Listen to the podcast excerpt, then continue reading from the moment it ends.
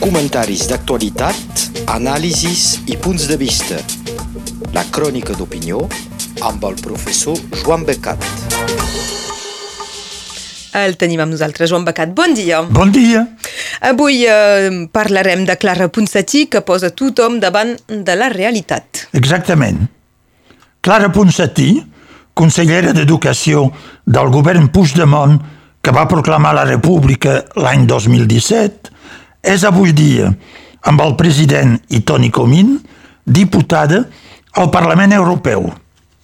És perseguida pel jutge del Tribunal Suprem espanyol Llarena, amb euroordres de detenció, com també el conseller Lluís Puig, que se va exiliar amb ells a Brussel·les fa cinc anys. A la seva crònica, Iu Escapa us ha parlat de la valentia i de la coherència política de Clara Ponsatí. Però, si us voleu fer una idea del seu caràcter, de la seva personalitat i del que la fa moure, heu de llegir el seu recent llibre que es diu Molts i ningú. És una compra perfecta pel dia de Sant Jordi que s'apropa, el dia del llibre i de la rosa.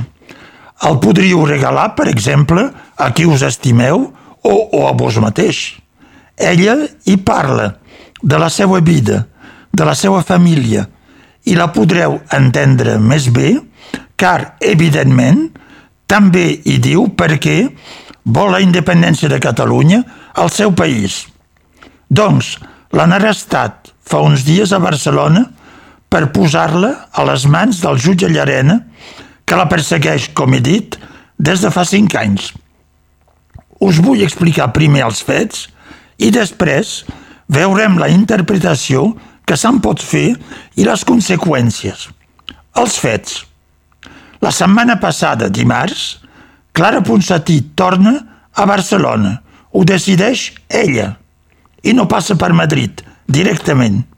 És, evidentment, un desafiament a la justícia espanyola i al Tribunal Suprem. Ara bé, és conscient, ella, del que li pot passar. Resumint, torna dins la seva circunscripció com qualsevol diputat i vol veure si Espanya arrestarà un eurodiputat que té la immunitat parlamentària. Vol fer aparèixer, doncs, a Europa que, Euro que Espanya no la respecta. El seu advocat, Gonzalo Boye, ho ha dit. No improvisem. És preparat. A Barcelona fa una presentació davant d'un gran públic al Col·legi de Periodistes de Catalunya d'una nova web estatdedret.cat on s'han documentat totes les violacions del dret de l'estat espanyol. Per ara, més de mil casos i la web és oberta per posar-ne més. Després, sempre envoltava de fotògraf, de periodistes, de televisions i d'amics, va a passejar a la plaça de Catalunya fins al Pla de la Catedral, és a dir, al Rovell de l'Ou de Barcelona. És aquí on un oficial dels Mossos d'Esquadra, per ordre judicial, l'arresta davant de la gent i de la premsa. Clara Ponsatí el mira i li ensenya el seu carnet d'eurodiputada que tenia penjat al coll i li diu «Vostè sap el que està fent?» Aquesta imatge d'una arrestació d'una diputada amb la seva credencial a la mà farà el torn de Brussel·les i altres llocs. És evident que Clara Ponsatí, jugant-se la seva llibertat, vol posar Europa i Espanya davant d'un fet i no com ara davant d'una situació teòrica. L'arrestació fa evident també que hi ha una persecució política on la raó d'estat passa pel damunt de la justícia europea. Per tant, porten Clara Ponsatí als jutjats de Barcelona, on, en menys de mitja hora, centenars de persones venen a manifestar-li el seu suport. Després de rebre al despatx del jutge a Barcelona, doncs, la convocació del jutge Llarena pel 24 d'abril, amb la precisió que si incomplia seria detinguda, Clara Ponsatí va poder salla i la nit mateixa va tornar a Brussel·les. Va assistir a Brussel·les, era per assistir a la sessió del Parlament Europeu. Precisament, Joan Becat, quines han estat les reaccions al Parlament Europeu? Doncs hi va rebre el suport de molts eurodiputats. Un d'ells ja havia tuitat la vigília que mai s'havia restat un eurodiputat en l'exercici de les seues funcions des de l'inici de les institucions europees. Mai s'havia fet i que era un precedent intolerable. En efecte, a veure, si el Parlament Europeu ho admet i no s'hi oposa, és la immunitat de tots els eurodiputats que vola pels aires, car d'ara endavant se sabria que qualsevol estat podria detenir un dels seus eurodiputats durant el seu mandat per les raons que siguin. Les instàncies europees han de reaccionar per força, ja que la immunitat és la condició bàsica de la independència de qualsevol Parlament. El Parlament mateix, Clara Ponsatí ha declarat a la premsa, amb humor, citació, hi ha un jutge a Madrid que té moltes ganes de parlar amb mi, però jo no, no estic interessada a parlar amb cap jutge. Per tant, diu clarament que no vol anar a Madrid a la convocació del jutge Llarena. El torce braç, le bras de fer i l'afrontament ha de tenir lloc molt aviat. Al moment mateix de la seva arrestació, cosa que demostra que estava preparat, Clara Ponsatí ha enviat un missatge a tots els eurodiputats dient em detenen il·legalment i la foto i ha demanat empara, protecció, a la presidenta del Parlament, Roberta Metzola. Aquesta ho va derivar a la Comissió d'Afers Jurídics, és a dir, que se'n renta les mans. Durant el ple a la cambra, Clara Ponsatí li va retreure. I, davant d'això, se van enfadar alguns eurodiputats espanyols. Per tant, el Parlament és, doncs, d'ara endavant enfront de la seva realitat. Ara sabem pel Parlament Europeu quines han estat les reaccions a aquesta situació de Clara Ponsatí a l'estat espanyol i a Catalunya. En podem imaginar algunes. La tornada de Clara Ponsatí ha pres per sorpresa total la classe política espanyola. No s'hi esperaven el Partit Popular com el PSOE eh, parlen de numeret de teatre, de comèdia, de victimisme per part de delinqüents catalans. No se podia esperar menys, més uns quants insults. A Catalunya hi ha moltes solidaritats que siguin reals o de façana, tot s'ha de dir. Es fa evident que aquest retorn anima i reanima l'independentisme de base. N'és una demostració la gent que, com hem dit, se va plegar, se va plegar davant del jutjat, el jutjat i els missatges públics rebuts de personalitats i persones. Qui ho té més difícil i se troba tan bé embarassat davant de la seva realitat és Esquerra Republicana tornant directament a Barcelona i sent arrestada, posa en evidència que el retorn de les dues exiliades d'ERC, Meritxell Seret i Marta Rovira, doncs que aquest retorn se fa sobre la base d'un pacte amb la justícia espanyola.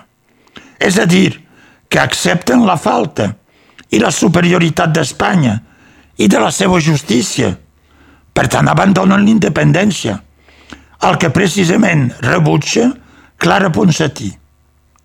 El pròxim retorn de Marta Rovira, Meritxell Seret ha tornat i ha anat a veure el jutge i Marta Rovira ha de tornar aviat, tornar de Suïssa, on s'havia exiliat, s'ha acompanyat fins i tot d'un interviu de Marta Rovira a Catalunya Ràdio, on va dir que el referèndum va ser un error.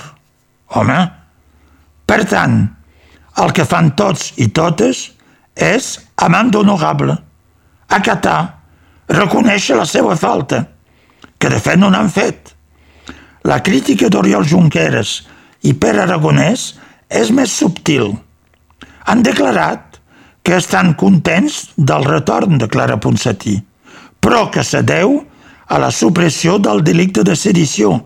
És a dir, que posen Clara Ponsatí en el mateix paquet que les dues altres. Cortina de fum, car el retorn de Clara Ponsatí és tot el contrari, és que no accepta l'estat espanyol. Altres membres d'Esquerra Republicana no s'han posat guants, com, per exemple, l'exconseller Josep Huguet, que parla de teatre, com a Madrid, i diu que és una citació desagraïda, un escorpí, de mala folla que no se pot aguantar. Curiosament, retrobem la mateixa actitud i expressions semblants als membres del Partit Popular i als pròxims de Pedro Sánchez, que parlen també de comèdia i insulten. Un adagi francès diu qui se ressemble s'assemble i sembla que ho facin, en tot cas al Parlament de Catalunya. Per tant, Esquerra Republicana és també davant de la seva realitat. En conjunt, si resumim, Clara Ponsatí ha fet evident que la justícia espanyola, amb el jutge Llarena i Marchena, del Tribunal Suprem, doncs que tenen una obsessió de persecució política que ha fet que se saltin la immunitat parlamentària d'un membre del Parlament Europeu. Per tant, ells mateixos, jutges espanyols, han posat el projector mediàtic sobre la repressió política de l'independentisme català. Dit d'una altra manera, fa anys que la independència no és el centre del debat a Catalunya i a Espanya, des del 2017 gairebé al final, malgrat els esforços de l'ANC i del Consell de la República. El que ha estat al centre dels esprits durant aquests anys, al centre dels debats de les mobilitzacions de gent, van ser els presos polítics, els indults, la repressió, més totes les picabaralles entre partits. Aquesta vegada és diferent. La notícia que és a la una que és al davant és el desafiament de Clara Ponsatí a la justícia espanyola. I per tant, el que és endavant és la desobediència, la via unilateral. Ella diu, jo no reconec la justícia espanyola, jo no reconec l'autoritat de l'Estat sobre mi mateixa. També ella diu a Europa, qui és per sobre? La norma europea o la norma espanyola? Direu vostès. Potser que les coses quedaran més clares després d'aquesta situació. Com ho diu el seu nom. Continuarem, Joan Becat, amb un altre dels punts importants de les notícies d'aquests eh, dies. Aquest cap de setmana hi havia eleccions a Andorra. Sí, se n'ha parlat. Les eleccions generals a Andorra han donat la majoria absoluta al Partit Demòcrates per Andorra un partit dit de centre-dreta, però que centre-dreta a Andorra vol dir de dreta i socialment i econòmicament conservador, no hi ha més a dreta. Per tant, l'actual cap de govern, Xavier Espot, repetirà, aquesta vegada sense coalició, ja que el seu partit és majoritari. Xavier Espot té només 43 anys. En tenia, doncs, 39 la primera vegada que va ser cap de govern. I en tenia 35 quan anteriorment va ser ministre. És tradició a Andorra, per les grans famílies, de posar un fill jove dins la política. En efecte, Xavier Espot és fill d'una família influent, amb negocis i banca. El seu pare, ell socialdemòcrata, va ser ministre d'Afers Exteriors i ambaixador d'Andorra. Xavier Espot va fer estudis apropiats per la seva carrera. Al Liceu francès i després a un prestigiós col·legi de Suïssa. I als estudis universitaris a ESADA, que són les inicials d'Escola Superior d'Administració i de Direcció d'Empreses de Barcelona, una escola universitària de prestigi, adscrita a la Universitat Privada i Catòlica Ramon Llull. El seu programa polític és l'associació a la Unió Europea i l'adaptació de l'economia als nous temps. Per tant, les dones andorranes hauran d'esperar encara el dret a l'avortament, car no sembla pas que Xavier Espot anirà a l'encontre del veto del copríncep episcopal. Ara bé, si els socials demòcrates, que són la moderada esquerra andorana, han baixat, és perquè, al segon lloc, hi ha ara el nou partit progressista Concòrdia, que ell defensa el dret a l'habitatge i la interrupció voluntària d'embaràs. És una evolució dins una societat andorana que queda, malgrat tot, molt conservadora. Gràcies, Joan Becat. Bon dia a totes i a tots. Comentaris d'actualitat, anàlisis i punts de vista. La crònica d'opinió amb el professor Joan Becat.